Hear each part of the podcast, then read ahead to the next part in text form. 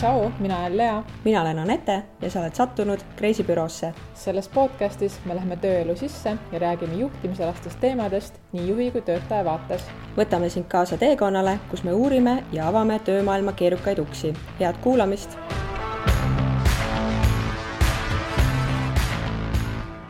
tere tulemast tagasi Kreisibüroosse.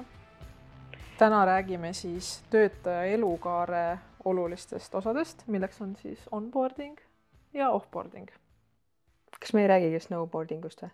Snowboarding ust võime ka rääkida ah, me tulime täna, saime kokku ja sa arvasid, me räägime sellest ju? ja boarding ei või? ma mõtlesin, et me räägime üks boarding kõik on ju. rulad, värgid, lumelauad ei või? las kuulaja otsustab. jõulud varsti tulekul ju kuulaja, palun anna meile märku kuigi sa ei saa otse laivis anda, aga. okei okay,, aga lähme siis äh, päris teema juurde, aitab naljast. jah, snowboard ime osa lõpus edasi. nii, aga mis see on siis? Onboarding. Onboarding on töötaja sisseelatamine uude rolli. et uue inimese töölevõtmine ei lõpe siis kandideerimisprotsessi lõpus jaatava vastusega. et uus töötaja on vaja tegelikult ka nii-öelda pardale saada, et teda seal sisseelamisel toetada. ma arvan, et see on niisugune lühike, suhteliselt konkreetne viis kokku võtmaks, et äh, lühidalt, et mis onboarding on soovid sa midagi lisada? pigem vist, eh, ma arvan, et see on jah, juba ütlesid kõik ära. aga mis on siis meie kogemused, et mis on sinu kogemus, kuidas sind on sisse elatatud uude rolli? no ühest ma olen juba rääkinud tegelikult mm, põgusalt. et see oli siis tegelikult aastaid-aastaid tagasi, kus ma läksin, tegelikult liikusin ettevõtte sees too aeg, et äh, ma ei tulnud nagu väljaspoolt. Läksin tööle uude ametisse ja mul ei olnud veel kohtagi. No, ah, see on see ja, koosoleku lugu jah? jaa, et ma istusin, ma ei hakka võib-olla liiga pikalt peatuma, sest ma rääkisin sellest äkki esimeses osas või? jutt alguses. jaa, et äh, aga ma siis mainin, kes ei ole kuulanud seda, et siis äh, ma istusin kuu aega umbes äh,, oli siis minu koht koosolekute ruumis, mul polnud oma kohta, oma lauda ja noh, ongi vaata, et sa oled mingis ruumis, mida kasutatakse ka teise eesmärgiga, mis tähendas minu jaoks seda, et ma pidin siis, kui tuli mingi koosolek, ma pidin ära kolima sealt, noh, tavaliselt ma kolisin siis äh, sinna kööginurka kuskile, aga noh, seal oli see, et keegi sõi su kõrval onju, sina oled oma mingi läpakaga seal oma mingite kaustikutega, pastakad, asjad. et äh, noh, hästi ebamugav ja teine asi oli see, et seal selle koosoleku laua taga istuda ei olnud väga ergonoomiline, et see, ma mäletan, see esimese kuu aega mu kael oli lihtsalt nii kange, et ma mõtlesin, et ma olen elu lõpuni invaliid lihtsalt, sest et äh, noh, reaalselt mul pole kunagi kael nii kange olnud. kusjuures võib-olla sellest mul ongi saanud alguse see, et mul siiamaani nagu vahepeal noh, mingid siuksed käivad peal, et noh, ei tea, onju aga jah, selles mõttes, et see oli hästi mitteergonoomiline, et see tooli seljatugi oli hästi madal, ma ei saanud väga toetada ja mingid plastiktoolid, vaata kõva, istud seal kaheksa tundi. et hästi sihuke äh, arusaamatu, et miks ma pidin siis üldse minema sellel ajal kohale, kui neil polnud isegi mulle kohta veel loodud. ja noh, oligi see, et äh, lihtsalt see tekitas minus lõpuks sellist stressi. mul ei olnud ka isegi kusjuures äh, mingeid nagu ülesandeid veel sellel hetkel, et ma pidin tegema siukseid jooksvaid asju, mida mu juht mulle andis, et a la ma ei tea arvuta need kokku käsitsi või liida need asjad kokku, on ju noh, et äh, ma sain niisugust nagu nii-öelda sellist tööd, mis jäi üle kuskilt, vaata.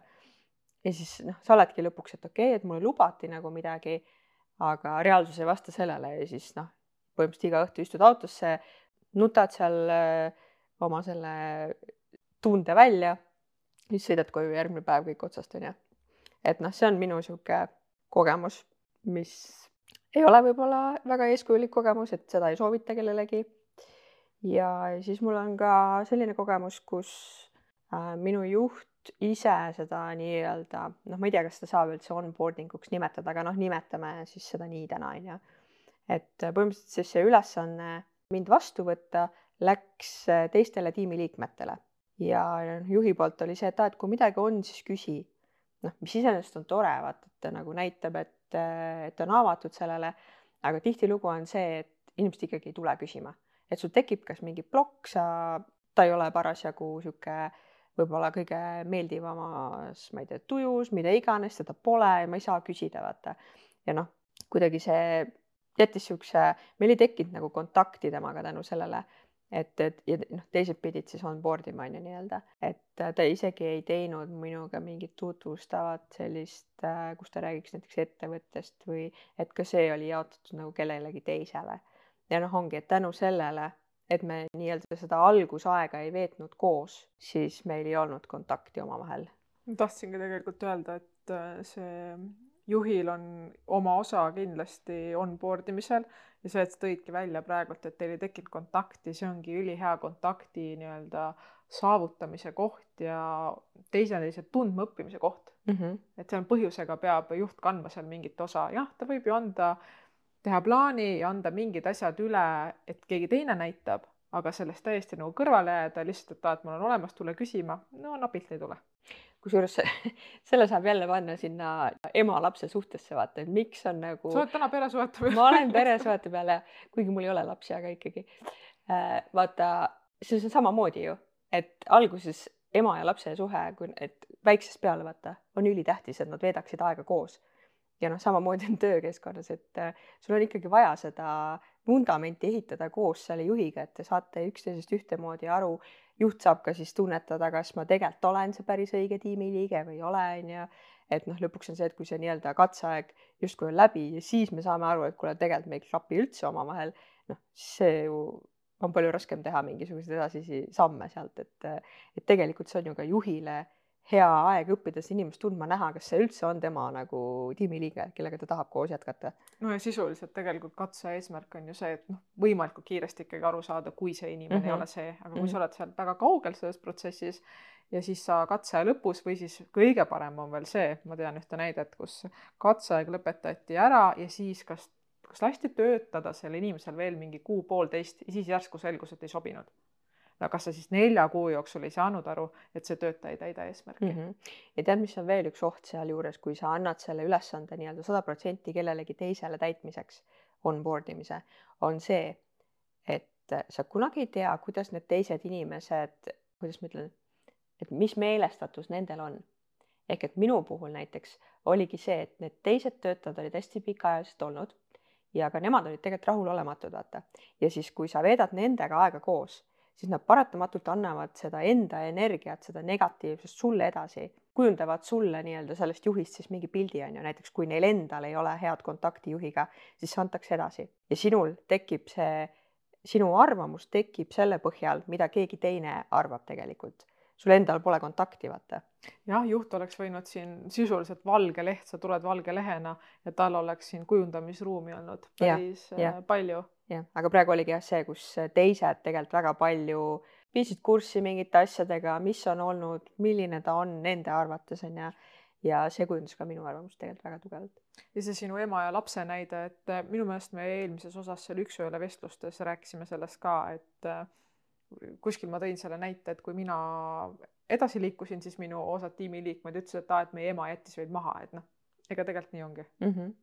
mis veel oli näiteks minu puhul, et sinna onboarding'u protsessi sisse minu jaoks kuuluvad ka kõik siuksed väiksed asjad, vaata, aga mis samas aitavad mul tööd teha, mingite programmide ligipääsud, mis tegelikult võiks olla olemas või juht, mille eest juht võiks nagu ka vastutada või, või tema annab mulle need, on ju.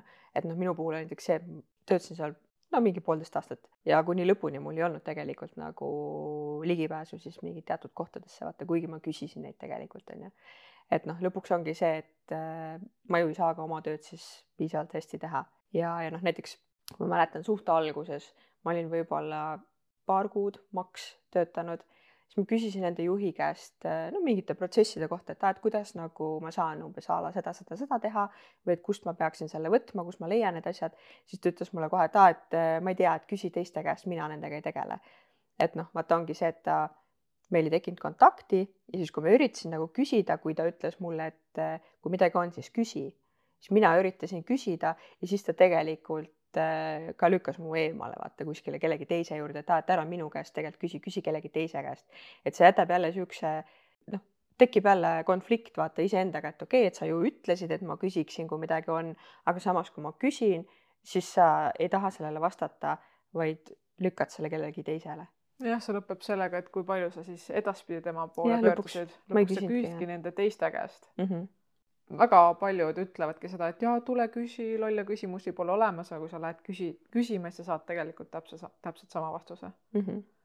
ja noh, see, et sa ei anna programmidele ligipääsu või tähendab, sa ei anna seda informatsiooni ja ei tee sulle mingeid kasutajaid või mingeid õiguseid, siis sa ei saa ju oma tööd teha täisväärtuslikult ja miks sina töötajana pead nagu selles mõttes nagu justkui nagu kerjama endale neid töövahendeid. no loomulikult sul on huvi, sa oled uus inimene sul on huvi selle vastu, et teha seda hästi, Mhm. aga lõpuks on see, et kui mitu korda olen küsinud, siis noh, ma ei tea, nagu teil on mind ka vaja ju mm. -hmm. jah, et ühesõnaga jah, minu kogemused on sellised lonkavad. no minu enda kogemus, viimane kogemus oli siis see, et kui ma ettevõtte sees ka liikusin ja sain endale uue rolli, siis äh, mina seadsin endale ise plaani seal uues rollis ja eesmärgi, kuhu suunas ma siis hakkasin liikuma ja nii nagu mina neid asju siis nägin. ehk et äh, noh, juttude käigus äh, nii palju, kui mul siis äh, nii-öelda ettevõtte juhtidega neid koosolekuid oli, ma sain aru, et mu vaated klapivad, nemad ei olnud seda mulle nagu edasi andnud, aga noh, mina väljendasin siis ennast ja ma sain aru, et neile sobib see. Ja siis ma sain justkui nagu vabad käed tegutsemiseks. ühtpidi väga hea, see vabadus ja usaldus ja mulle väga see meeldib. aga noh, siin on see alati see ohukoht ehk et see sobib, on ju, nii kaua, kuni see sobib. aga ühelt maalt on see, et et sa ei vastanud jälle ma ei vasta ootustele. ootustele ja kui ma küsin näiteks, et millistele ootustele, neid ju polnud, noh siis keegi ei tea, Mhm. on ju, ja lollis olukorras on tegelikult siis see töötaja. Ehk et minu puhul mingisugust üleandmist äh, ei olnud, mingit suunamist, mingit tagasisidestamist äh,. jah, mul oli võrreldes sinuga oli mul siis äh, koht, kus olla, mul oli arvuti ja need kõik äh, programmilised pooled olid mul olemas, aga muidu suht ikkagi loodav ametikoht ja hakata seda loodavat ametikohta ise oma äranägemise järgi üles ehitama see oli paras äh, väljakutse, et see oli selline saa ise hakkama suht upu või uju olukord, et äh, et jah, meil olid neid äh, mingisuguseid koosolekuid, kus siis tõesti jah, ma sain aru, et see sobib, mis ma teen. ehk et sinu puhul tegelikult ka ei ole niisugust klassikalist äh, onboarding'u lähenemist olnud? ei, kindlasti mitte, et äh, juhiga mingit äh, ja ei, minu juhil ei olnud minu sisseelamisel mitte mingisugust rolli, välja arvatud tiitel? välja arvatud tiitel ja mis on oluline ehk et äh, jah, see on selline ohtlik, ohtlik on niimoodi, igatipidi ohtlik lõpuks sellele tööandjale, sellele töötajale, kui sa oled selles nii-öelda selles loomisprotsessis sees, et äh, need loodavad ametikohad ikkagi vajavad äh, päris palju ideede mõtete põrgatamist ja vaatamist, et kus ollakse sest loodavate ametikohtadega on ka tihtilugu see, et tullakse täitma seda rolli ja see, ja see muutub ajas, kusjuures mis minul ju tegelikult oligi. et see kuidagi muutus selles mõttes ajas ja see fookus läks äh, nagu teisele asjale natukene. aga sest, et see asi oli tegelikult katmata, et me oleks pidanud rohkem suhtlema sel teemal ja mm. rääkima sellest, et äh, nagu aru saada, kuhu me siis nagu liigume tegelikult, et nende loodavate ametikohtadega on see, et antakse tavaliselt nendele inimestele siis need ülesanded, mis äh, kas ettevõtte juhid äh, teavad, et sellega on vaja tegeleda, kas see on mingi kitsaskoht või seda on vaja paremaks muuta või siis need on olnud kellegi laual, need asjad, ja keegi ei jõua nendega tegeleda. aga lõpuks inimene tuleb ja noh, see ametikoht ei tule kunagi nagu, ma ei saa öelda kunagi, aga minu kogemuse läbi see ametikoht lõpuks loksub ajas natuke teistmoodi paika, et see kohaneb natukene selle inimese järgi, kes seda rolli täidab ja see kohandab ka nagu ajas, sest tema hakkab seda ju tegema, et paberi peal on üks asi nagu teha see ametijuhend sellele loodavale ametikohale, aga teine asi on see, et sa reaalselt viid seda ellu. et see oli põnev protsess, et selles mõttes, et äh, ma olen ühtpidi väga nagu tänulik selle võimaluse ja selle usalduse eest äh, seda luua, sest et see õpetas mulle väga palju ja see arendas mind äh, väga.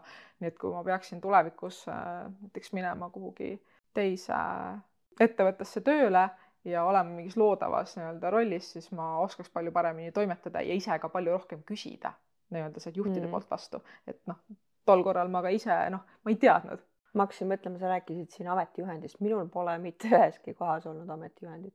Nonii, või nagu ühes kohas oli niimoodi, et mul polnud, ma arvan, mingi seitse aastat ametijuhendit ja siis ma pidin selle ise tegema, siis oli nagu oh. lõpuks me saime siis selle ametijuhendi või noh, mina sain selle onju, aga muidu jah, ei ole olnud selles mõttes, et äh, lihtsalt lähed tööle, saad lepingu, kirjutad sinna oma nime ja that's it, et Tegel... mingit ametijuhendit nagu pole olnud. et noh, see tegelikult on äh, töötaja jaoks kahjulik, sellepärast et äh, no mõlemat pidi ma ütleks natukene, aga rohkem kahju saab sellest töötaja, sellepärast et äh, sa ei saa öelda siis, et aa, et kuule, et see pole mu ülesanne, sellepärast et sul ei olegi seda paberit, on ju. või noh, ma saan ka aru, et neid kõiki ülesandeid ei saa sinna kirja panna, kindlasti on mingeid jooksvaid asju, aga noh, niisugused suuremad asjad nii-öelda igapäevased mingid äh, võiksid ikkagi olla. aga mul ei olnud, nii et äh, samamoodi vabad käed, vaata ise, mis teed selles mõttes on see, mina ise väga pigem pooldan, et see oleks, sest et see, sa ei saagi, sa ei lase endale lükata sinna mingeid asju, mis ei kuulu vaata mm -hmm. sinu lauale. Kusjuures ma tean ühte inimest, kes äh, iga mõne aja tagant võttis oma ametijuhendi ja reaalselt äh, ta vaatas selle üle. ta, ta tuli rolli ja siis vaata paratamatult on see, et sa ei, noh, sa ei jõua hakata kohe kõikide asjadega mm, tegelema mm,. ja siis tal olid mingid punktikesed, linnukesed seal, mis, millega ta juba tegeleb, kuhu ta on jõudnud ja siis olid nagu need näha, milleni ta ei ole veel jõudnud. ja siis ta kuidagi analüüsis, et noh, et a la miks ja ta vaatas seda üsna tihti üle. siis ma olin mingi, et aa, et vau, et noh, selline lähenemine, et äh, igal juhul äh, pigem, et kes kuulab ja kellel pole ametijuhendit, siis äh, pöörduge personaliosakonda või oma otsese juhi poole, et igal juhul noh, see on kasulik mõlemale osapoolele, kui see on olemas. täpselt. kui sisuliselt sinu puhul oleks siis olnud äh, see, et äh, kui keegi oleks sulle öelnud, et sa ei saa oma tööga hakkama, siis no millise tööga ma lihtsalt olen siin. Okay. ja no põhimõtteliselt jah, selles mõttes, et okei okay,, no mingid suusõnalised kokkulepped on ka onju või noh, millest räägiti a la töövestlusel, aga et noh põhimõtteliselt jah, et sul ei ole tegelikult millelegi toetuda, mitte kummalgi ei ole mitte millelegi toetuda, kui sul pole ametijuhendit. selles mõttes jah, et paberimajandus võiks siiski ikkagi korras olla, siis on pärast mõlemal lihtsam ja ei ole mingeid äh, vaidlusi ja asju, et äh, sa pidid seda tegema, aga ma ei teinud ja miks ma ei teinud, no ma ei teadnudki, et ma pidin seda tegema ja no nii edasi, onju. jaa. okei okay,, aga me rääkisime siin enda kogemustest niivõrd-kuivõrd kogemused need nüüd olid, onju. Aga milline siis võiks olla üks hea onboarding sinu arvates? ma saan rääkida sellest, mida mina olen siis varasemalt äh, teinud ja mida ma olen siis nagu heaks pidanud ja mis on praktikas nii-öelda siis äh, töövilju toonud. et äh, mina tegin niimoodi, et mul oli ikkagi konkreetne plaan ja see konkreetne plaan oli siis päevade lõikes ja esi-, noh, seal oli kuni kaks nädalat ehk et oli siis äh, tegevused, mida ma siis sellele töötajale pean näitama, edasi andma ja igal tegevusel oli vastutus, vastutaja.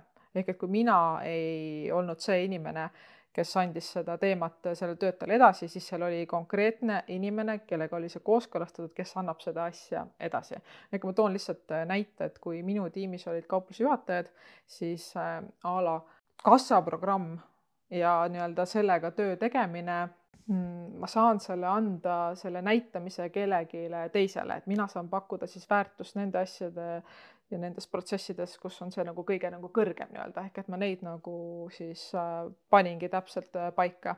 ja sul oligi siis reaalselt iga päeva peale toodud ära kuidagi jaotatud see ära, et mis päeval mingite teemadega minna? jah, et see oligi, et esimene päev oli alati selline pehme päev, et kus pigem hõlmaski seda, et me saame teineteisega paremini tuttavaks, me räägime uuesti läbi sellest, et äh, mis on see ametikoht üldse, me vaatame seda juhendit, ta saab küsida, et meil oli küll see, et ametijuhend saadeti juba töölepinguga koos, ta saab tutvuda, aga ikkagi tihtilugu on hea, et noh, see, et keegi ei küsi sealt mitte midagi edasi mm, -hmm. aga on hea on no, ikka täp-, nagu siuksed äh, olulised asjad välja tuua, et mitte mm -hmm. see, et mhm. me saime kokku, me lugesime selle ametijuhendi maha, aga pigem ma küsisin, kas on küsimusi olnud. kui tal ei olnud, siis ma enda jaoks noh, varasemale kogemusele tuginedes siis mingid punktid käisin läbi, kus ma teadsin, et võib tekkida mingeid selliseid kohti. Siis me rääkisime rollist, mis see roll endast kujutab, äh, ootustest, äh, mida mina temalt ootan, mida tema minult ootab mis on see ettevõte üldse nagu suurem missioon, missioon, noh, no elatasin ta nii-öelda ettevõttesse sisse ja noh, ja siis see hõlmas veel sealt äh, nipet-näpet, et olenes, aga esimene päev oli pigem niisugune pehmem, kindlasti ühise lõunaga, et ei ole eesmärk anda esimesel päeval edasi kogu infot, mis ma olen planeerinud kaheks nädalaks, et pigem äh, step by step, sest et olenemata sellest, kas tal on varasem kogemus või mitte, äh, sa ei jõua võtta seda infot vastu. ja see on õige, mul oli äh, seal, kus siis need teised töötajad pidid sisse elatama, rääkima mingeid asju, siis ma mäletan, et esimese kahe päevaga äh, põhimõtteliselt tehti kogu see programm ära, kus siis oli ettevõttest räägitud, mingitest äh, erinevatest, äh, mis iganes asju me kasutasime, onju. aga see ongi see, et sul on nii palju infot, sul ei jää meelde see ja see tähendab seda, et sa lähed, noh, üks hetk, kui see nii-öelda maha rahuneb, istud oma laua taha ja siis sa oled mingi, et aa, et okei okay,, ma peaks nüüd midagi hakkama tegema ja siis hakkad uuesti küsima neid asju, sest et sa ei mäleta mitte midagi sellest, sest et kõik on vuristatud kahe päevaga sulle ette ja sa oled lihtsalt need kaks päeva olid nii väsitavad, need läksid esiteks nii kiiresti, mis on iseenesest ju positiivne, aga sa oled õhtuks täiesti läbi, sest et su see vaimne pool on noh, viimse piirini tõmmatud ja mis juhtub, juhtub see, et tegelikult siis juht või see keegi teine peab hakkama sulle otsast peale seda -hmm. rääkima mm. -hmm. et pigem on see, et hajuta nagunii mm, tuleb seda uuesti rääkida, see on yeah. loomulik ja iga juht, kes siis onboard ib oma töötajad, peab sellega arvestama et sellist suhtumist, et aga ma ju ütlesin sulle esimesel või teisel päeval seda, ei ole mõtet, sest et pane ennast sellesse olukorda, kui sa ise läheksid ja mõtle sellesse aega tagasi, kui sa ise astusid sellesse rolli või mingi, hakkasid midagi uut tegema, sul ei ole, sul ei jää kohe kõik meelde, aga, aga tee siis ära kõik endast olenev, et äh, kinnitada talle võimalikult palju. Ehk et hajuta, mine pehmest, pehmetest teemadest edasi nii-öelda praktilistemate tegevusteni. ehk et äh, mul oli jah läbi mõeldud, esimese kahe nädala plaan oli tehtud, tegevused, vastutus, äh, kes vastutab ja juhusele selles mõttes kohta ei olnud. ja ma ütlesin ka alati, mis on põhiasi, millega ma kokku puutusin. mul oli noh, oma kava, eks ole, ja see, see tugines ikkagi varasematele kogemustele ja siis need juhid, kes tulid, neil oli tihtilugu see, et äh, nad tahtsid juba, kõike teada kõike kohe ja praegu mm. teada, siis ma nagu tõmbasin heas mõttes, ma kasutasin seda, et tõmba nüüd käsipiduri heas mõttes peale, et ma luban sulle, et me lähme noh, selles mõttes kava alusel ja usu mind, see on sinu heaks mm. -hmm. et ma ei hakka sulle täna rääkima kõikidest asjadest ja ma kasutasin siis seda parkimistahvli meetodit see, ma võib-olla seletan siis, mis ma selle mõtlen, et oli niisugune parkimistahvel ehk et sisuliselt äh, oli niisugune valge tahvel, kuhu ma siis panin kirja kõik need küsimused, mis tal tekkisid nendel päevadel, aga mis ei olnud nendel päevadel minul nii-öelda kavas. ja ma ütlesin talle, et äh, kui me nädala lõpetame ja ma ei ole nendele küsimustele nende päevade jooksul ära vastanud, siis me tuleme nende juurde tagasi, aga noh, millega see lõppes, see lõppes tegelikult sellega, et nende küsimused olid kõik vastused olemas, lihtsalt äh, mitte ühel ja samal päeval. et äh, see toimis, see andis talle vaata kindluse, et okei okay,, et tema küsimus on üles kirjutatud mm, -hmm. et ma vastan sellele, aga siis ta nägi ise, kuidas noh.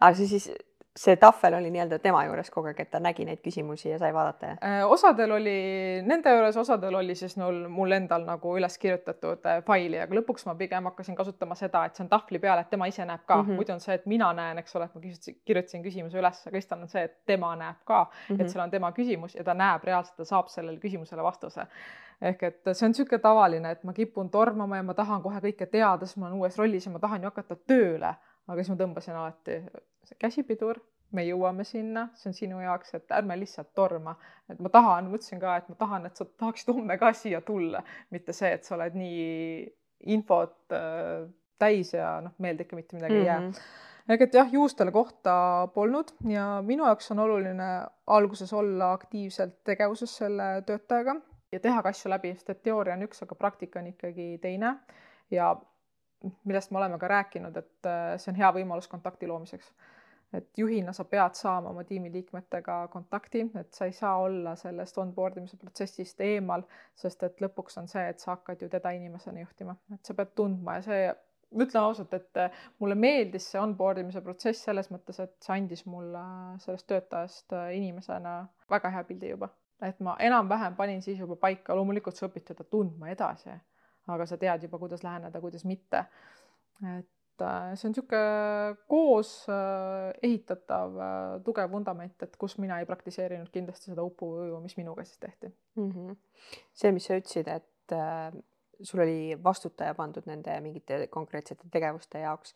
see tegelikult on äh, väga kasulik, sellepärast et kui ma mõtlen tagasi enda nii-öelda protsessi peale, siis äh, kuna mul ei olnud konkreetset inimest, kes mingeid konkreetseid ülesandeid mulle siis nii-öelda tutvustas või pidi rääkima, siis oligi see, et tihti juhtus niimoodi, et äh, a la täna rääkis üks inimene, homme rääkis teine inimene, võib-olla kolmas mingi aeg, aga vaata, nad räägivad kõik erinevalt.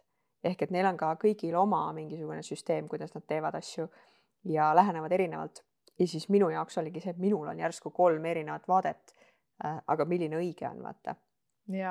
et tegelikult nagu seal võib jah tekkida ka see, et kui sa annad äh, mingi ülesande mitmele erinevale inimesele, siis see kuidagi, see läheb lappesse et sa ei, sa ei saavuta seda tulemust, mis sa tahad. et sellepärast on, ma arvan, hea, et äh, sul on see üks vastutav, kes vastutab mingi teatud protsessi või mingi teatud osa eest seal. ma hakkasin praegu mõtlema siit edasi sinu mõttest, et see on sama, kui me lõpetame koosoleku ära ja siis jäävad mingid tegevused, et äh, kes teeb, ei lepita konkreetselt mm. kokku, et kes tegeleb nende tegevustega edasi, siis justkui kõik tegelevad, tegelikult ei tegele mitte keegi mm -hmm. sellega edasi ja sellest koosolekust noh, ei tule mitte midagi edasi mm. -hmm. et täpselt sama. ja sama jah. ma siin võib-olla tooks ühe niisuguse mõtte veel välja, mis, mida rääkis mulle üks tuttav, kui ta läks uude kohta tööle, et see on niisugune hästi väike asi, aga samas äh, see puudutas teda ülipalju, et ütleski, et ta läks, noh, kui minul oli see, et mul polnud oma laudagi, onju, siis tema läks uude kohta tööle, tal oli äh, laua peal siis juba märkmik ja pastakas selle ettevõtte logodega, onju et mis tegelikult näitab jälle seda, et see, see ei ole must have, aga see on sama nagu mingi suurepärase teenindusega, vaata. et kui sa lähed poodi, ostad midagi, sa saad oma asja ikka kätte. aga kui sulle soovitakse, ma ei tea, tere hommikust või head päeva, siis see on natukene midagi enamat, see on ekstra, on ju, see tekitab sinus hea tunde.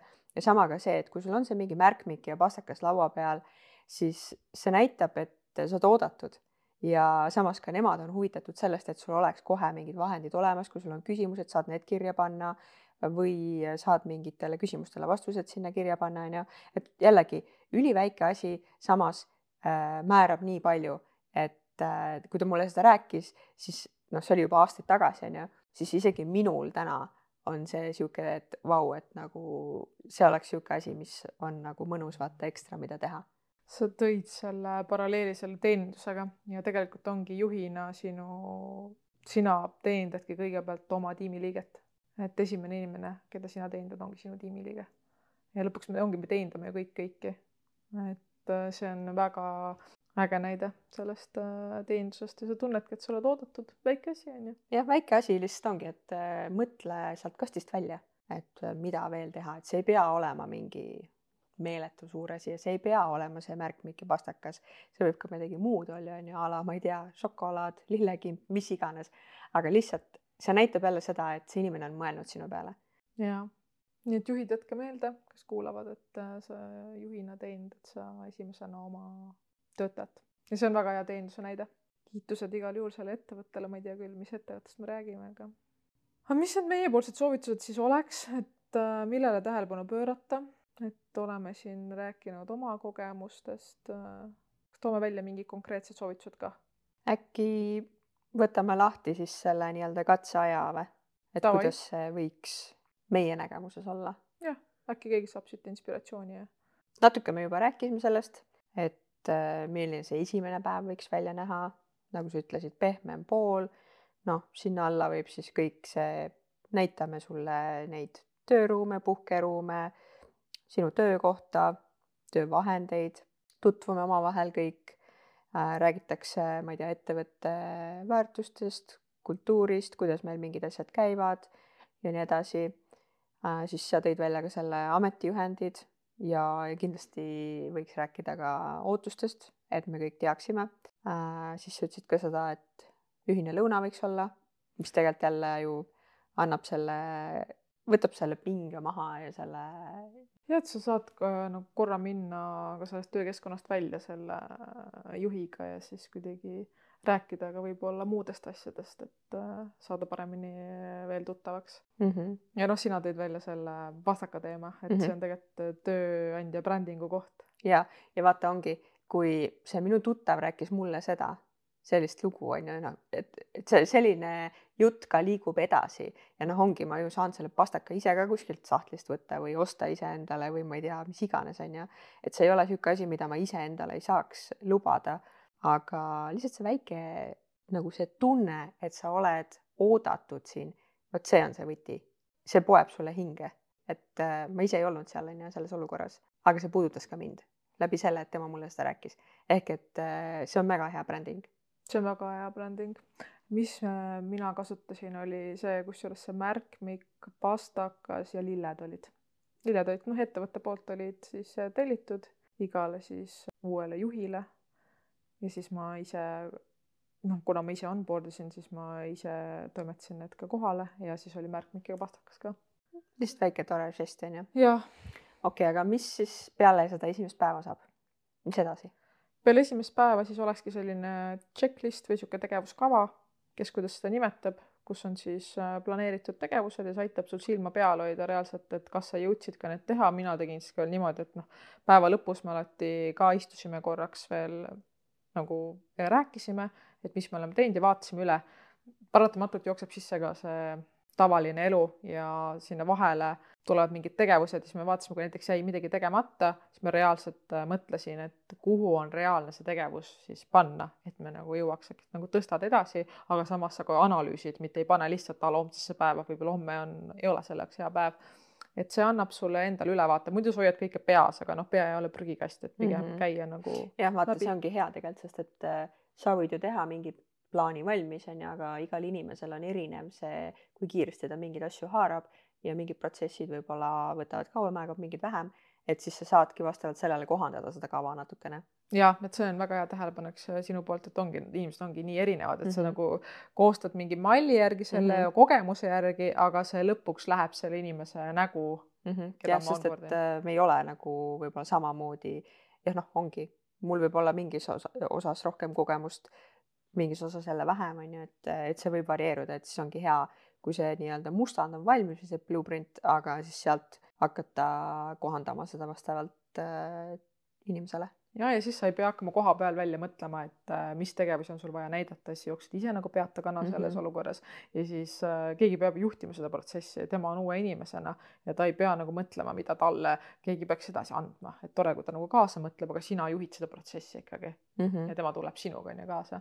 ehk et konkreetne tegevusplaan, tegevused, kes vastutab, millal antakse edasi ja siis inimese järgi juba paika sättimine mm. -hmm okei okay,, aga me rääkisime siin paar osa tagasi äh, üks-ühele vestlustest ka, kas, kas seda võiks ka siin kuidagi rakendada mingite vahevestlustena, et saada seda regulaarset tagasisidet anda ja omavahel põrgatada neid mõtteid ja asju, et, et kas see võiks olla ka siin nii-öelda selle plaani sisse kirjutatud kuidagi? ja mina paneksin kindlasti selle sinna, et äh, töötaja ikkagi teaks, kuidas tal läheb ja sina juhina saaksid olla siis äh, protsessis ja tajud ära selle hetke, kui see töötaja hakkab kõrvale kalduma ja saad ta pead siis vastavalt keerata.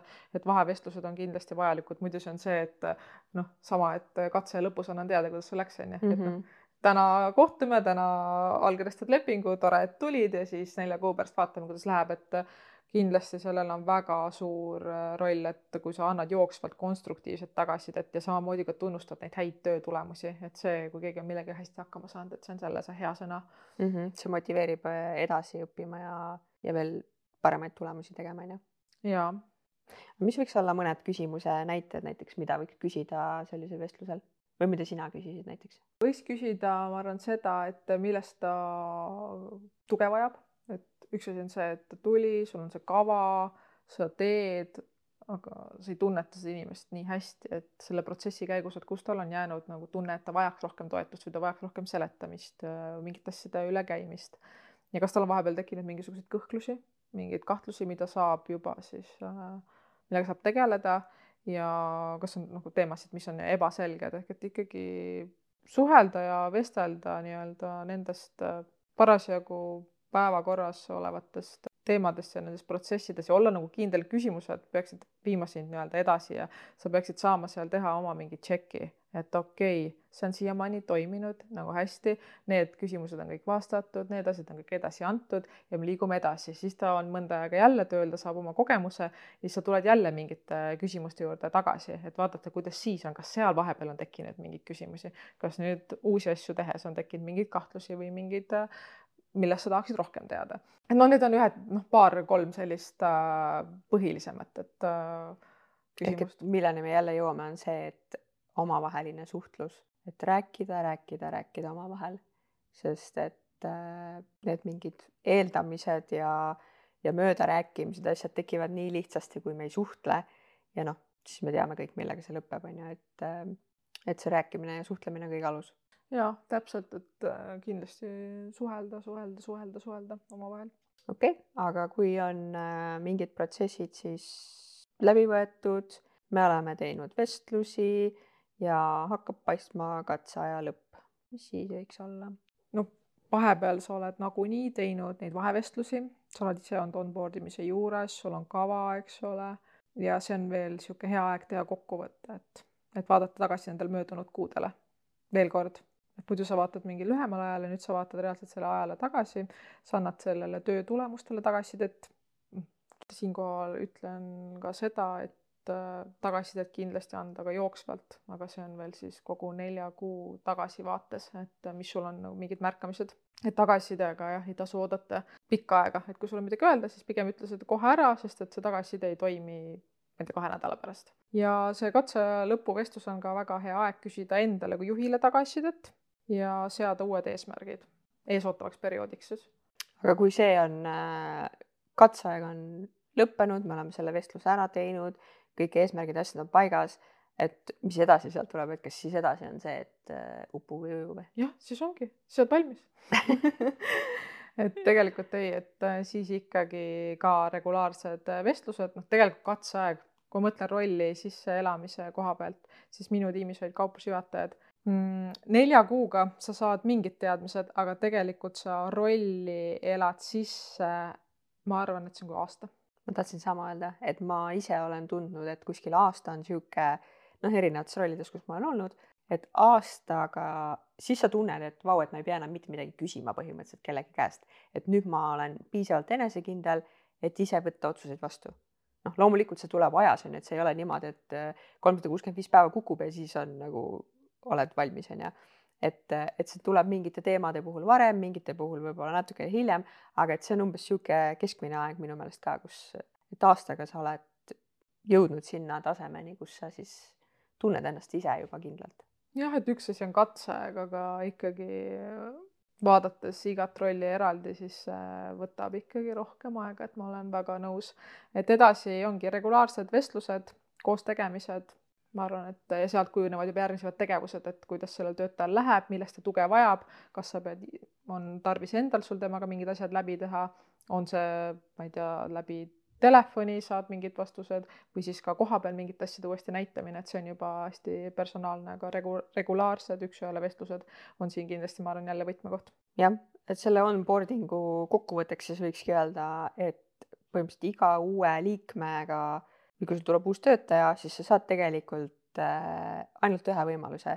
Ja sul on võimalus siis kas õnnestuda ja luua mingid võimalused, et see inimene oleks äh, ilusti sisse elatatud või see ebaõnnestud, et see on tegelikult natuke sama nagu see, et sul on nii-öelda esmamuljeks on vaata mõned sekundid on ju, et seda võiks võrrelda sellega, et sul ongi see esmamulje tekitamine, lihtsalt see periood on võib-olla pikem, siis see on a la neli kuud on ju, see katseaeg jah, siin võiks nagu meenutada ka seda, et kui palju sa paned ressurssi selle õige inimese otsimise, leidmisele, vestlustele, pidamisele, et siis tee ära see samm ka selleks, et sa ei jäta juhuse hooleks seda, kuidas su töötaja on sisse juhatatud. jah, sest et muidu sa pead algusest peale hakkama jälle seda protsessi uuesti läbi tegema, kus sa leiad kellegi, kas ta on õige ja nii edasi, on ju. et pigem panustad alguses rohkem, aga pärast on muretu. kuidas see ütlus on, et mis ütlus sa mõtled? raske õppustel kerge, kerge lahingus, jah ja. ühesõnaga käitud targalt. jah. Lähme siis töötaja elukaare viimasesse etappi selles ettevõttes. väljavärbamine. Äh, värbame välja mis see offboarding endast kujutab? kuidas sa võtaksid selle kokku? no ma ütlekski, et see on äh, töötaja organisatsioonist väljajuhtimine, väljavärbamine, teisisõnu siis töösuhte lõpetamine, aga selliselt, et mõlemale poolele jääks oma väärikus ja hea tunne sellest ajast, mis me koos veetsime. sa ütlesid, et jääks väärikus, et mõlemale jääks see hea tunne. jagame oma kogemusi, et mis on sinu kogemus väärika väljavärbamisega? mul sellega vist mingit väga põrutavat näidet ei ole tuua, aga mis ma võib-olla tooksin välja, on see, et äh, kui ma olin otsustanud, et ma lõpetan selle töösuhte, siis ma andsin sellest enda juhile teada. Või noh, ma kutsusin ta vestlusele lihtsalt ütlesin talle seda, et ma ei teinud seda varianti, et ma saadaks selle valge paberi lihtsalt ja kõik on ju, et ma tahtsin seda teha viisakalt, inimlikus vormis, ma tahtsin talle äh, välja tuua need põhjused ja me ei leppinud otseselt kohe seda aega kokku, millal ma siis äh, nii-öelda lõpetan, millal mu viimane päev on. Et ma ütlesin, et ma olen selles osas avatud ja ja ma tulen vastu, kui on vaja, et mul ei ole otseselt mingit ajalist piiri, sest et ma ei läinud sellel hetkel ka kuskile mujale. ja natukene aega läks mööda siis sellest, siis me leppisime kokku, et millal see minu viimane päev siis võiks olla. leppisime selle päeva kokku, ta tahtis äh, mingeid teemasid veel puudutada, aga kuidagi aeg läks ja läks ja järsku oli see nädal käes, kus pidi minu viimane tööpäev olema. ja kaks päeva enne seda kui siis me olime kokku leppinud selle minu viimase tööpäeva, siis kaks päeva enne seda ma veel ei teadnud tegelikult, kuidas see kõik nii-öelda välja hakkab nägema või, või mismoodi see lõpetamine siis oleks, et kellele ma mingeid asju annan, mismoodi. et noh, sihuke jälle natukene, ta lükkas selle justkui minu õlgadele, et mina pean seda mõtlema, tegema, aga noh, tegelikult see oleks olnud sihuke koos ülesehitamise asi, et ma saaksin need asjad ilusti anda siis edasi, kellele vaja. ta ei juhtinud selles mõttes seda protsessi siis üldse? ju see oleks natukene no, ja lootes, et äh, ja noh, oligi kaks päeva enne seda veel tuli noh, niisugune jutt, et äh, noh, et äkki ma ikkagi tahaks jääda, et aga kuna mingit konkreetset pakkumist ei olnud, siis ma ikkagi otsustasin, et ma hetkel nii ehku peale ei noh, pole mõtet, on ju. et aga jah, lihtsalt, et mis ma tahan öelda Äh, on see, et veel paar päeva enne seda, kui inimene läheb, sul pole nagu kõik asjad täitsa selged, vaata, et see on nagu selgelt liiga hilja neid asju ajada, et see peaks siis olema, eriti veel, kuna ma tulin vastu ja ma olin kauem, vaata, me leppisime kokku, on ju, mingi aja. et noh, selle aja jooksul kordagi ei suudetud seda plaani paika panna ja siis kaks päeva ennem me räägime sellest, et mismoodi siis kuidas, et noh, natukene sihuke see oleks jäetud asi jah, sihuke ajalise ressursi mõttes nagu mõttetult natukene kasutamine, et sa olid ju tegelikult, sa ütlesid, et sa olid veel pikemalt kui kuu aega. ehk et sa olid seal lõpetamas mingeid asju, oleks saanud väga hästi kellelegi anda edasi, nii et sa, ka sina ei pea siis viimasel kahel päeval tormama ja ühele ja teisele mm -hmm. midagi. et äh, aga okei okay selline kogemus siis. jah, et rohkem mul ei ole, ma arvan, niisugust, ma arvan, et see võib-olla üldse on kuidagi nii-öelda onboarding uga on kõik või noh, kas just kõik, aga paljud kursis, aga see off-boarding on, ma arvan, suhteliselt äh, värske termin, et äh, et sellele võib-olla täna nii palju ei pöörata tähelepanu, sellele ei keskenduta, et miks raisata oma ressurssi, kui see inimene on juba põhimõtteliselt üle parda, on ju. samas Eesti on nii väike, kui mõelda jälle selles äh, plaanis, siis kõik teavad kõiki, kõik räägivad kõikidele, et noh. jah, ongi nagu sa ütlesid, et kõik teavad kõiki, et ma olen nõus, et see on selline, kus kuidagi juba lüüakse käega, et ta on nagunii minemas, et mingid ettevõtted kindlasti väga teadlikult tegelevad sellega, mingid ettevõtted äh, jätavad mulje, et nad tegelevad, aga tegelikult ei tegele. aga see noh, ütleme niimoodi, et emotsionaalselt on ikkagi lahkumine raske, vahet ei ole, kas sa lähed enda soovil, kas sind juhatatakse, kas see on mingi side nende inimestega, nagu me oleme siin juba rääkinud. Mm -hmm.. kusjuures siin ma võib-olla tooks ühe väga hea paralleeli, noh, täna vaata, ma käisin seal ühel üritusel on ju, kus me rääkisime siis äh, nii-öelda kliendi kogemuse loomisest ja tuli juttu siis ka kliendi teekonnast. ja siis seal toodi selline näide, kus noh, a la sul on mingi reisifirma on ju, et millal see kliendi teekond siis algab. ja see, kes rääkis sellest, ütles, et, et see teekond ei alga siis, kui sa istud selle a la lennuki või paadi või mille iganes peale on ju. see teekond algab siis, kui a la perekond istub õhtul äh, söögilaua ääres ja mõtlevad, et tahaks kuskile minna. kuhu me võiks minna? nii, ja siis sealt tuleb edasi, et millega nad lähevad ja nii edasi, onju. et see teekond algab sealt ja see teekond ei lõpe seal, kui ta astub sellest äh, sõiduvahendist välja, vaid see teekond lõpeb siis, kui ta on, et äh, ah, et tahaks minna uuesti, et nii tore oli, et tahaks minna uuesti sinna ja siis hakkab kõik otsast peale, onju. ehk et praegu sellesama, tuues see paralleeli siia, siis tegelikult selle off-boarding uga on sama asi, et see ei lõpe ära siis, kui äh, see inimene läheb sealt uksest välja, see teekond ei lõpe siis, vaid äh, siis, kui ta annab seda tagasisidet edasi kas oma tuttavatele, sõpradele ja nii edasi, on ju, ja nemad võivad seda ka veel omakorda edasi rääkida. et äh, tegelikult jah, et sa peaksid sellele ikkagi mõtlema, et mis see nii-öelda tagasiside lõpuks on, vaata. jah, sest tegelikult sa oled see brändi saadik pärast ja. seda ka. Ja see töötaja on su klient. põhimõtteliselt. et jah, mõelge selle peale. aga kas äh, sul on endal mõndi kogemust? minu kogemus on siis see, et mina juhatasin ennast oma viimasest äh, töökohast ise ideaalselt välja. käest kinni läksite või? käest kinni läksin milline see välja nägi, onju. et natuke sarnasusi selles mõttes sinuga, et ma ei olnud ka see klassikaline, et ma saadan lahkumisavalduse meili peale ja siis äh, tulen nagu õige mees kunagi kontorisse, et ikkagi ma olin pikalt töötanud ja sa ikkagi austad seda ettevõtet, kus sa oled olnud ja leppisingi juhtkonnaga kokku. Ja ma ei andnud ka, ma ei saatnud avaldust, saatsin lihtsalt kirja, et äh, olen otsustanud oma elus edasi liikuda ja nii edasi, saime kokku ja siis sealse vestluse käigus me panime siis paika selle päeva, millal ma siis ettevõttest äh, välja liigun. selles mõttes mul oli väga tore ärasaatmine äh, uutele väljakutsetele oma nende inimestega. ma ise korraldasin selles mõttes selle ürituse iseendale et ma kutsusin kokku, kuna ma olin nii pikalt töötanud ja mul oli siis kaheksateist juhti ka ja väga pikalt töötanud ka teiste nii-öelda inimestega koos, kes seal ettevõttes olid, siis äh, väikesele sellisele mimosale ja kringlile, et ja ma pole elu sees nii palju lilli ja kingitusi saanud kui sellel päeval. ehk et see tunne, ma olen alati mõelnud, et lahkuda tuleb tipus ja ma sain aru, et selles ettevõttes ma seda kindlasti tegin, et ma sain astuda sealt välja, jättes endale iseenda väärikus ja kuidagi see austus ja lasta kanda iseendal justkui. et noh, siin oli ka mingeid, noh, see on see pool, mida mina kujundasin, on ju, mhm. mina ise sain. Siin, äh, mis ma tooksin välja, mida võiks äh, vältida, on see, et äh, minuga ei tehtud lahkumisvestlust. ma pean silmas siis seda, et personalijuht ei leidnud aega, et vestelda minuga, kes ma olen kümme aastat ettevõttes töötanud et üldse küsida mingit tagasisidet või miks ma lähen või kas on, saavad nad midagi kuidagi muuta või teha. et äh, ta ei teinud minuga seda vestlust, et äh, ta ütles mulle mu viimasel nii-öelda sellel koosviibimisel, et äh, tal on kahju, et oleks pidanud leidma selle aja, et oleks millest olnud rääkida. noh, oleks-poleks. siia jääb ikkagi see aga ja see mida me oleme nii mitu korda öelnud, et aega ei leita, aega tuleb võtta ja minu jaoks on ikkagi see, et äh, ettevõtte personalijuht peab olema kõige empaatilisem ja tolerantsem inimene selles ettevõttes.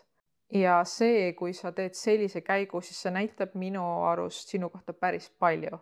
ja noh, see, miks ta seda vestlust tegelikult ei teinud ma usun, et ma tean seda vastust ja ma usun, ka tema teab seda vastust, et kui te peaksite juhuslikult kuulama, siis ma usun, et ta tunneb siin iseennast ära.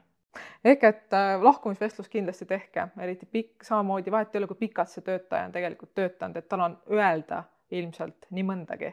ja mul oli veel kümneaastane kogemus, et mul oleks olnud talle jagada nii üht koma teist, mil, mida ta oleks saanud võtta ja mida siis äh, edaspidi parendada. nojah, see oli tema valik ja tema kaotus siis antud hetkel igal juhul. mul on mõni hea näide veel, see oli noh, selles mõttes hea näide, et sellest, äh, kust selline näide, millest ei tasuks eeskuju võtta, ehk et äh, mida võiks äh, vältida. et ma tean ühte töösuhte lõpetamist, mis tehti näiteks telefoni teel see on midagi uut. et telefoni teel, et töötu oli haige lapsega kodus ja siis personalitöötaja helistas ja jutu käigus suunas sinna, et et tegelikult on otsus tehtud ja temaga tööleping lõpetatakse. kuidas sulle tundub? mul on palju küsimusi, aga kas ma ei tea, kas ma oskan vastata kas tohib üldse teha niisugust asja, et see, no okei okay,, see, telefoni teel tehti, see on juba next level onju. aga ma mõtlen, kui sul on väike laps või no oleneb, kui suur see laps oli onju ja kui sa oled haiguslehel selle lapsega, kas tohib üldse lõpetada lepingut? ma vot täpselt noh, selles mõttes, et seda tausta ei tea, et mis hooldusleht ja mis oli avatud mm., aga ma tean, et oli haige lapsega selles suhtes kodus mm.. nojah. et igal juhul see ei tundu väga töötajasõbralik. aga siis äh, mida me saame siit õppida? Ära võta telefoni vastu, kui sa oled kodus haige. jaa, kui su ülemus helistab ja personaliosakonnas helistab ja sa oled haigena kodus, väike lapsega kodus, igaks juhuks ära vasta, sest et võib-olla see on su viimane. ja samas see tegelikult, kui sa oled haige, onju, siis sa, kui sa oled haiguslehel, siis sa ei pea töökohustusi täitma, sa ei ole tööl siis ju. sa ei peagi vastama ehk et ärge vastake telefonile meie lahendus, et no näide lihtsalt sellest, et äh, mida võiks vältida, et see ei jätnud sellele töötajale sugugi head muljet ja see ei ole inimest, inimese keskne käitumine. noh, sa võiks vähemalt nii palju austada, et sa, me kohtume näost näkku ja sa räägid selle loo ära ja siis me leiame mingisugused äh, lahendused, mõlemad saavad õppida sellest midagi. aga antud hetkel see kuidagi tundub jah, väga sihuke see on sama hea nagu ma jätan su maha telefoni teel.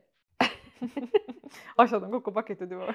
Jah, tule järgi. jah, ootavad maja ees, aadress on siin. ja üks näide on veel, kus siis tööleping lõpetati pikaajalise töötajaga, kellele kordagi polnud varasemalt antud tagasisidet tema tööle. noh, ütleme, ta on ikkagi noh, viisteist pluss aastat töötanud, kordagi pole saanud oma tööle tagasisidet ja ta läheb ööhommikul tööle ja tema juht siis kutsub äh, ta koosolekute ruumi, noh, see kestab niisugune mingi viisteist minutit ja see töösuhe on äh, lõppenud.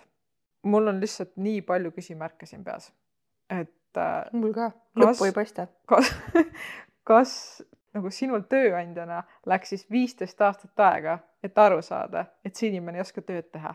sa pole talle varas, varasemat tagasisidet andnud ja siis äh, nüüd ja seal oli veel see nüanss, et kui siis töötaja nagu küsis täpsustusi, siis tema juht ütles, et ähm, noh, tal hetkel pole nagu seda näidata, aga ta saab välja võtta selle, kui ta siis soovib ja lisas siis selle, et aga otsus on juba tehtud.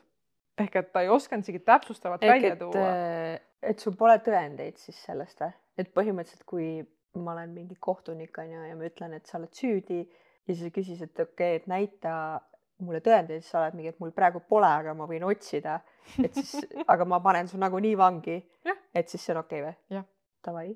nojah, ma ei oskagi rohkem midagi öelda selle peale. no ja kui mina rääkisin enda kogemusest, et mina sain, mina korraldasin endale veel nagu jutumärkis nagu peo on ju, või me veetsime koos aega ja seal olid nagu head emotsioonid, oli kurbust ja kõike, aga seal oli ikkagi seda tänutunnet ja seda positiivseid asju, siis äh, selle inimese puhul ta meiliaadress oli kohe kinni pandud, kui ta sealt koosolekute ruumist väljus, tal ja ta järgmine päev ei pidanud enam tulema, tähendab, ta samal pida, samal päeval juba pidi võtma oma seitse asja ära minema.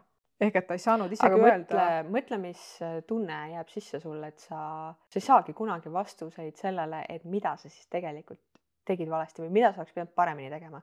jah, sa ei, jah, sa ei, sa ei teagi, et sa ei tea tegelikult, sest et sulle ei antud adekvaatset tagasisidet ehk et rääk-, rääkige palun reaalselt asjadest, et andke seal, kui on vaja ka lõpetada töösuhe, siis andke seal sellist tagasisidet, sa tahate valida, kuidas seda ütled, eks ole, millega, tagasisidet, millega mul on midagi peale hakata. ja antud juhul ei saanud see inimene ju jätta ka nii-öelda hüvasti või siis äh, tšau öelda nendele inimestele, kellega ta oli viisteist pluss aastat koos töötanud. tal ei olnud sellist võimalust, et ta elib kringli ja pakub mimoosat nagu mina et millise tundega see inimene praegult äh, selles mõttes räägib nagu sellest kogemusest. jah, no minu jaoks isiklikult oleks isegi parem see, kui me reaalselt ongi, et ma olen midagi jamasti teinud, davai, ütleme otse selle välja, nagu sa ütlesid, sa saad valida, kuidas sa ütled, aga ma igal juhul austan seda, kui sa ütled otse mulle ja ma saan õppida mingeid asju, kui see, et mingi ümber nurga keerutamine, äh, vihjamine, sa pead ise arvama midagi noh, kas sa arvad õigesti, keegi ei tea, on ju, et äh, minu jaoks seal pole nagu kohta, et pigem lihtsalt reaalselt ütle kiirelt ära, lähme edasi, aga see hämamine, ma ei tea. ei no miks sa pead ise täitma neid lünki, sest et see lünkade täitmine, vot see ju kestab veel mõnda aega. ega selle töötaja jaoks ei, ei lõppenud ju see etapp sellega. temal hakkas ju oma peas selline virvarr pihta arvata võib jah. ehk näide sellest, kuidas äh, mitte töölepingut lõpetada. no ideaalsed näited. aga võtame selle teema siis kokku, et me oleme rääkinud siin, mis see offboarding on, me oleme jaganud oma kogemust, me oleme toonud näiteid, mida võiks vältida. aga kuidas jätta siis töötajale tema väärikus, et olenemata siis sellest, et kuidas see töösuhe lõpeb, et kas see lõpeb siis töötajapoolse ülesütlemisega, kokkuleppel või tööandjapoolse ülesütlemisega, et mis need meiepoolsed soovitused võiksid olla? No offboarding selles mõttes algab sellel hetkel, kui töötaja annab siis oma lahkumisavalduse või a la tööandja teavitab teda siis selle lepingu lõpetamisest, on ju. et ma arvangi, et sellele võiks järgneda see, et me lepime kokku selle lahkumisvestluse. Kuupäeva, kellaaja, peame sellest kinni. Ja sealt edasi siis äh, võiks olla meeskonna teavitamine ja samamoodi, kui ka on mingid äh, kliendid või koostööpartnerid, kellega siis koostööd on tehtud. ja minu meelest, kui nagu, kui vähegi võimalik, siis võiks jätta selle teavitamise või selle esimese sammu ikkagi siis sellele töötajale tegemiseks. mitte see, et keegi teine saadab kirja, et aa, et kuule, et Anette läheb minema või Anette lahkus, on ju. et selles mõttes, kui ikkagi see töösuhe lõpeb vähegi normaalselt, siis ma arvan, et võiks anda selle võimaluse, et see inimene saab ise äh, selle avalduse teha, et ta läheb ja jätta siis hüvasti kõikide nende inimestega, kellele, kellega ta tahab, ma ei tea, tänada neid.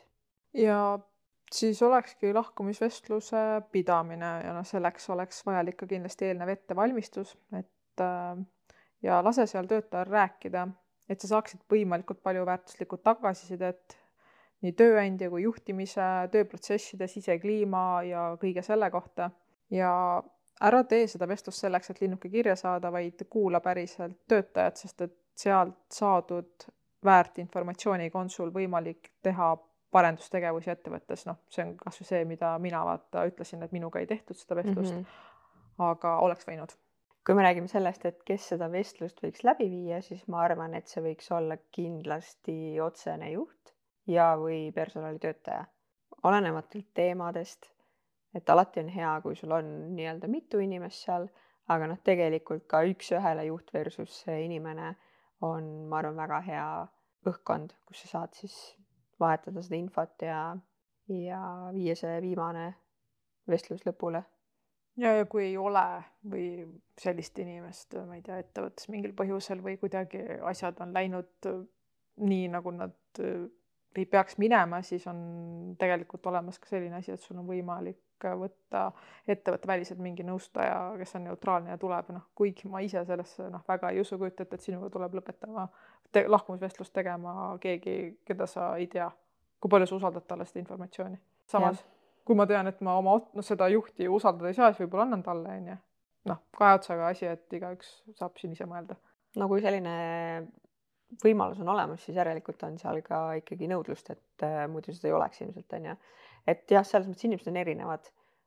tihtilugu ongi see, et kui me vaata, kui sa lähed ettevõttest välja, siis see ongi nii-öelda jutumärkides lõpp on ju, et sa lähed ja sul on juba täitsa noh, muud sihid, et võib-olla siis sa oled nagu altim rääkima mingeid asju äh, kui see, kui sa nii-öelda sul ei ole seda töölepingut lõpetatud ja sa teed lihtsalt mingit vestlust tegelikult tihtilugu nii-öelda lõpus on inimesed palju rohkem avatud, sest et äh, neil ei ole midagi kaotada. et siin võib aga see olla. jah, ma olen ühtpidi, ma olen väga nõus, ma ise pigem noh, olen olnud kogu aeg avatud ka töö nii-öelda suhte jooksul, aga lõpuks on see No no,, et noh mul ei ole enam nagunii midagi, vaata täpselt. ma annan teile kõik, teie võtate selle, kui peate vajalikuks, te töötate edasi, aga ma olen äh, kuulnud ja näinud ka kõrvalt äh, seda, kus äh, ei julgeta ikkagi ka oma lõpuvestlusel öelda seda päris põhjust, sest no et siis ei ole enam tegelikult midagi teha, kui sa, kõik on su enda kätes on ju, et kui sa tahad, et midagi muutuks edaspidi, siis sa pead ütlema, kui sa ei ütle, siis see on sinu otsus ja siis ei olegi enam midagi teha ega siis ei muutu nagunii midagi ju. ma arvan, et miks need inimesed on sellised olnud, on see, et nad on näinud äh, kõrvalt nii palju lahkumisi, mille tõttu ei ole mitte midagi muutunud ja siis ongi see käega heitmise teema, et nagunii ei muutu minuga ka. Ühtpidi nagu aru saada, aga teistpidi võib-olla just sinu Jaa, hääl loeb, onju, nagu poliitikud ütleks. täpselt, ma just tahtsin sinnani jõuda, et sa kunagi ei tea, millal see viimane piisk on või millal on need Mhm. õiged sõnad. et eh, tihtilugu ongi see, et ma võin öelda sulle mingeid asju, aga kui keegi ütleb teiste sõnadega sama mõtte ja need sõnad lähevad sulle rohkem korda, siis võib muutuda midagi. ehk et tegelikult ei tasu ikkagi kunagi endasse hoida ja jätta ütlemata neid asju. pigem saada see nii-öelda pinge endast välja, liikvele kuskile see energia, kui see, et sa jätad selle endasse, vaata, ja lähed selle koormaga minema sealt. et mina igal juhul ütleksin kõik asjad, mis mul on, ma ütleksin need välja. loomulikult sa saad valida, kuidas sa seda jälle teed, aga pigem ütle need välja, kui see, et sa jätad sisse kindlasti ära anna vestlusel hinnanguid ja hoia pigem positiivset tooni ikkagi, et ole ise väärikas ja lase ka teistel osapooltel väärikaks jääda, et see on see brändingu koht jälle.